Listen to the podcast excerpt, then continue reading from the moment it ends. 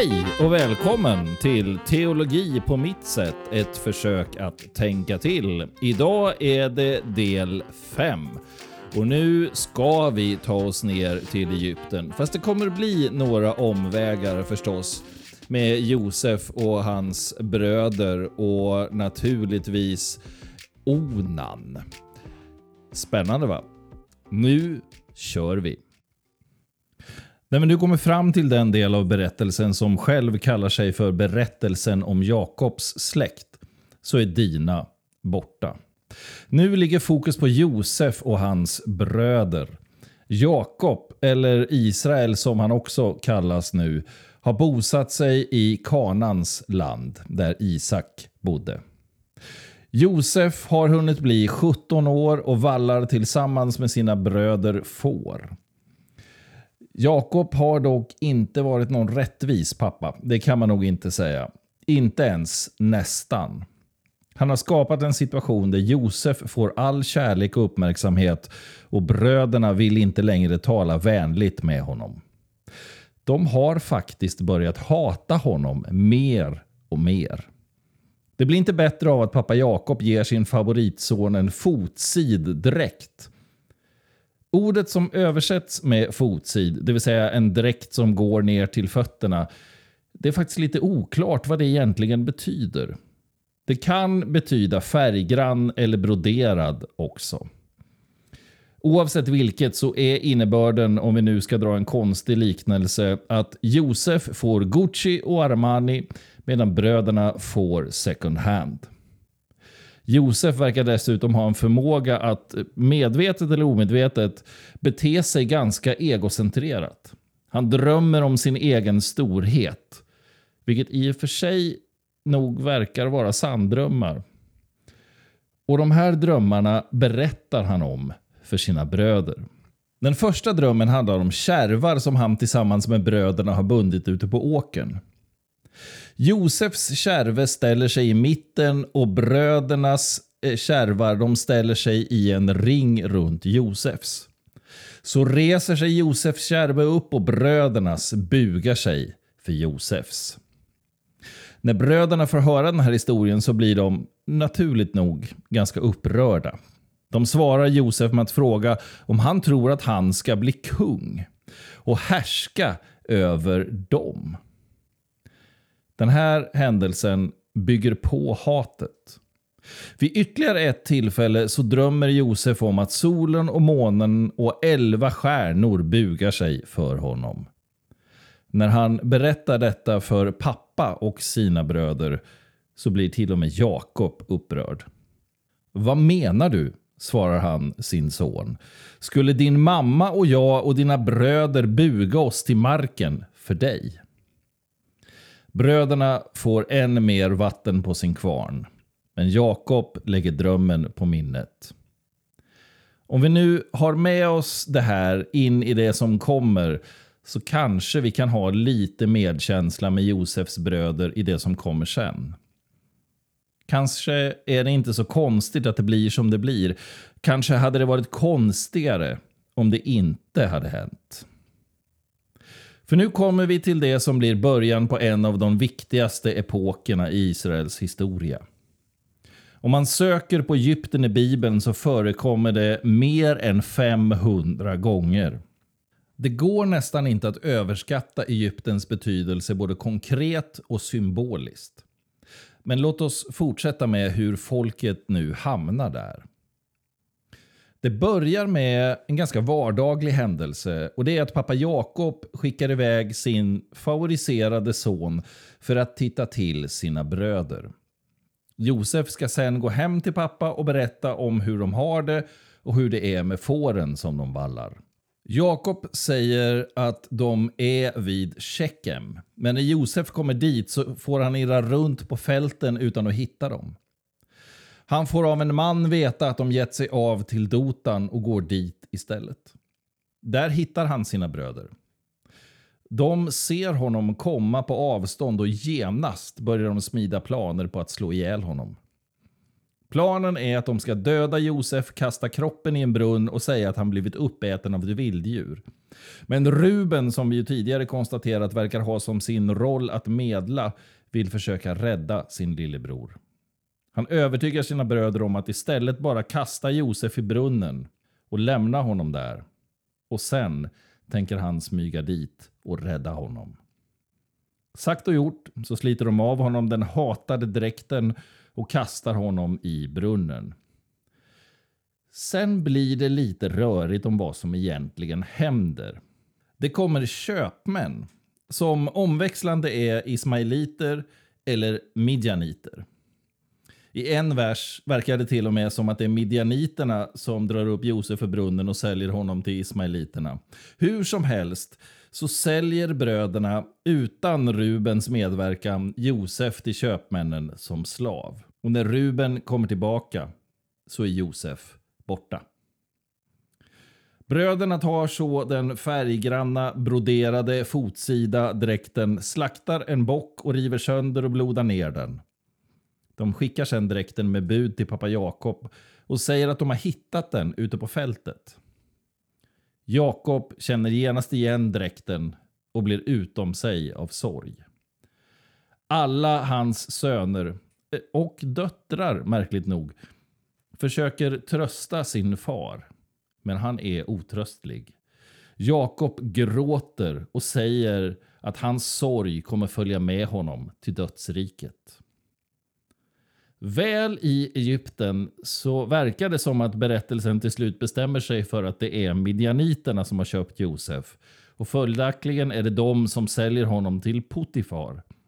Som är hovman hos farao och befälhavare över faraos livvakt. När vi nu då äntligen har kommit till Egypten så gör berättelsen en 180 graders sväng och fokuserar på Jakobs fjärde son, Juda. Han ger sig av från fadershuset vid samma tid som Josef hamnar i Egypten. Och han slår sig i lag med någon som heter Hira på en plats som heter Adullam. Där gifter han sig med en kananeisk kvinna som heter Shua och får tre söner med henne. Er, Onan och Kela. Juda tar en hustru åt er som heter Tamar. Ja, det går undan här, men som sagt så är det rätt typiskt för de här berättelserna. Ibland flyger de fram och ibland så bromsar de in kraftigt. Så nu bromsar vi. Det berättas om er att han väcker Herrens misshag och Herren tar livet av honom. Då får vi berättat att Juda säger åt sin son nummer två, Onan, att han ska göra sin svågerplikt och skaffa barn åt sin bror. Men det vill inte Onan. Han löser det genom att ligga med Tamar. Det verkar han inte ha något problem med. Men han avbryter samlaget och spiller sin säd på marken. Och därifrån har vi alltså uttrycket onani. Det här gör Herren vred igen, så Onan dör. Nu blir Juda rädd för att förlora sin tredje och sista son också. Så han säger till Tamar att flytta hem till sin pappa och bo där som änka. Tills Shela är vuxen. Under föreställningen att hon ska få gifta sig med honom när han är tillräckligt gammal. Tiden går. Judas hustru Shua dör och när han har sörjt färdigt så ger han sig iväg till, med, tillsammans med Hira till Timna för att vara med om fårklippning. Tamar får höra talas om det här och lägger av sig enkekläderna, tar på sig en slöja och sminkar sig. Hon har nu till slut räknat ut att hon inte kommer att få gifta sig med minstingen Kela som nu blivit vuxen.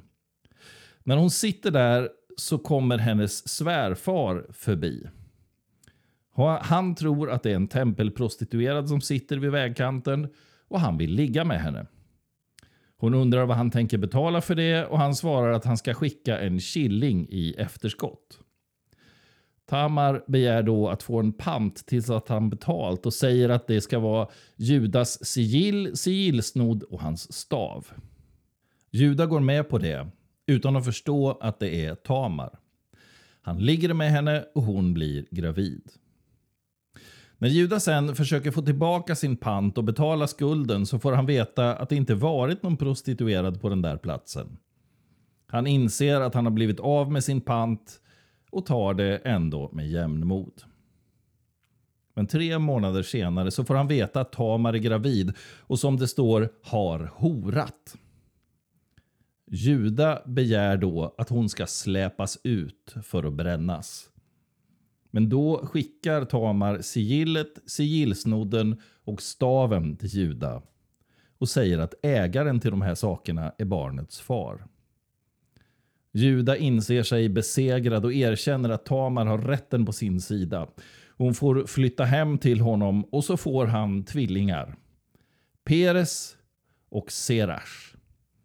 Enligt etiopisk tradition så blir Peres kung av Persien. Och i Ruts bok så finns han med bland kung Davids förfäder. Annars vet vi inte så mycket mer och det här är mest en udda sidohistoria. Så nu går vi tillbaka till Josef och Potifar. Josef finns nu i Potifars hus. Och återigen så ångrar sig berättelsen om vilka det var som sålde honom för nu är det ismaeliterna som pekas ut igen. Oavsett vilket så är Herren med Josef. Hans rätt överdådiga självförtroende verkar vara befogat. För han lyckas med allt han företar sig. Han blir Potifars personliga tjänare och han får en rätt hög post. Han får ansvaret för hushållet och Josef får allt att flyta på perfekt. Och Herren välsignar honom. Potifar behöver inte göra något annat än att bekymra sig över att äta, står det. Josef är nu inte bara framgångsrik, duktig och välsignad. Han är snygg också. Välväxt och vacker. Hans husbondes hustru börjar kasta lystna blickar på honom. Ligg med mig, säger hon. Men Josef är dessutom ovanpå allt annat trogen sin husbonde och avvisar henne. Han säger att han har fått Potifars förtroende i allt och inte vill svika honom och inte heller synda mot Gud. Dag ut och dag in försöker hon, men han ignorerar henne. Till slut överfaller hon honom och sliter av honom manteln, men Josef lämnar sin mantel och flyr fältet. Då kallar Potifars hustru på husfolket och anklagar Josef för att ha försökt våldföra sig på henne. När Potifar återvänder hem så upprepar hon anklagelsen och då låter Potifar gripa Josef och kasta honom i fängelse. Kanske stämmer det som den engelske dramatikern William Congrave skrev. Heaven has no rage like love to hatred turned, nor hell a fury like a woman scorned. Himlen har ingen vrede likt kärlek vänd i hat. Helvetet inget raseri likt en försmådd kvinna. Hur som helst så sitter nu Josef i fängelse, men Herren har inte övergivit honom. Han blir sedd av fängelsechefen som låter Josef få uppsikt över de andra fångarna och ta hand om fängelset. Herren låter honom lyckas i allt han gör. De där drömmarna verkar vara sanddrömmar i alla fall. Josef har en speciell relation till drömmar. Han drömmer inte bara själv. Han har också en gåva att tyda vad drömmar betyder. Farao har kastat sin bagare och sin munskänk i fängelset. En munskänk är den som smakar på allt som farao ska äta så att ingen kan förgifta honom. De hamnar i Josefs vård i fängelset och efter en tid så har de båda männen samma natt varsin dröm. När Josef möter dem den morgonen efter så ser de dystra ut. Han frågar vad det är med dem och de svarar att de haft drömmar men att det inte finns någon som kan tyda dem. Josef säger att det är bara Gud som kan tyda drömmar och ber dem berätta drömmarna för honom. Munskänken har drömt om en vinstock med tre rankor som knappt hann skjuta skott innan de blommade och fick druvor. I drömmen håller han faraos bägare i handen och pressar ut saften ur druvorna och ger till farao. Så säger Josef att drömmen betyder att han om tre dagar ska vara tillbaka på sin post hos farao och ber honom att komma ihåg honom och få ut honom därifrån. Bagaren blir upplyft av den fantastiska tolkningen och berättar sin dröm.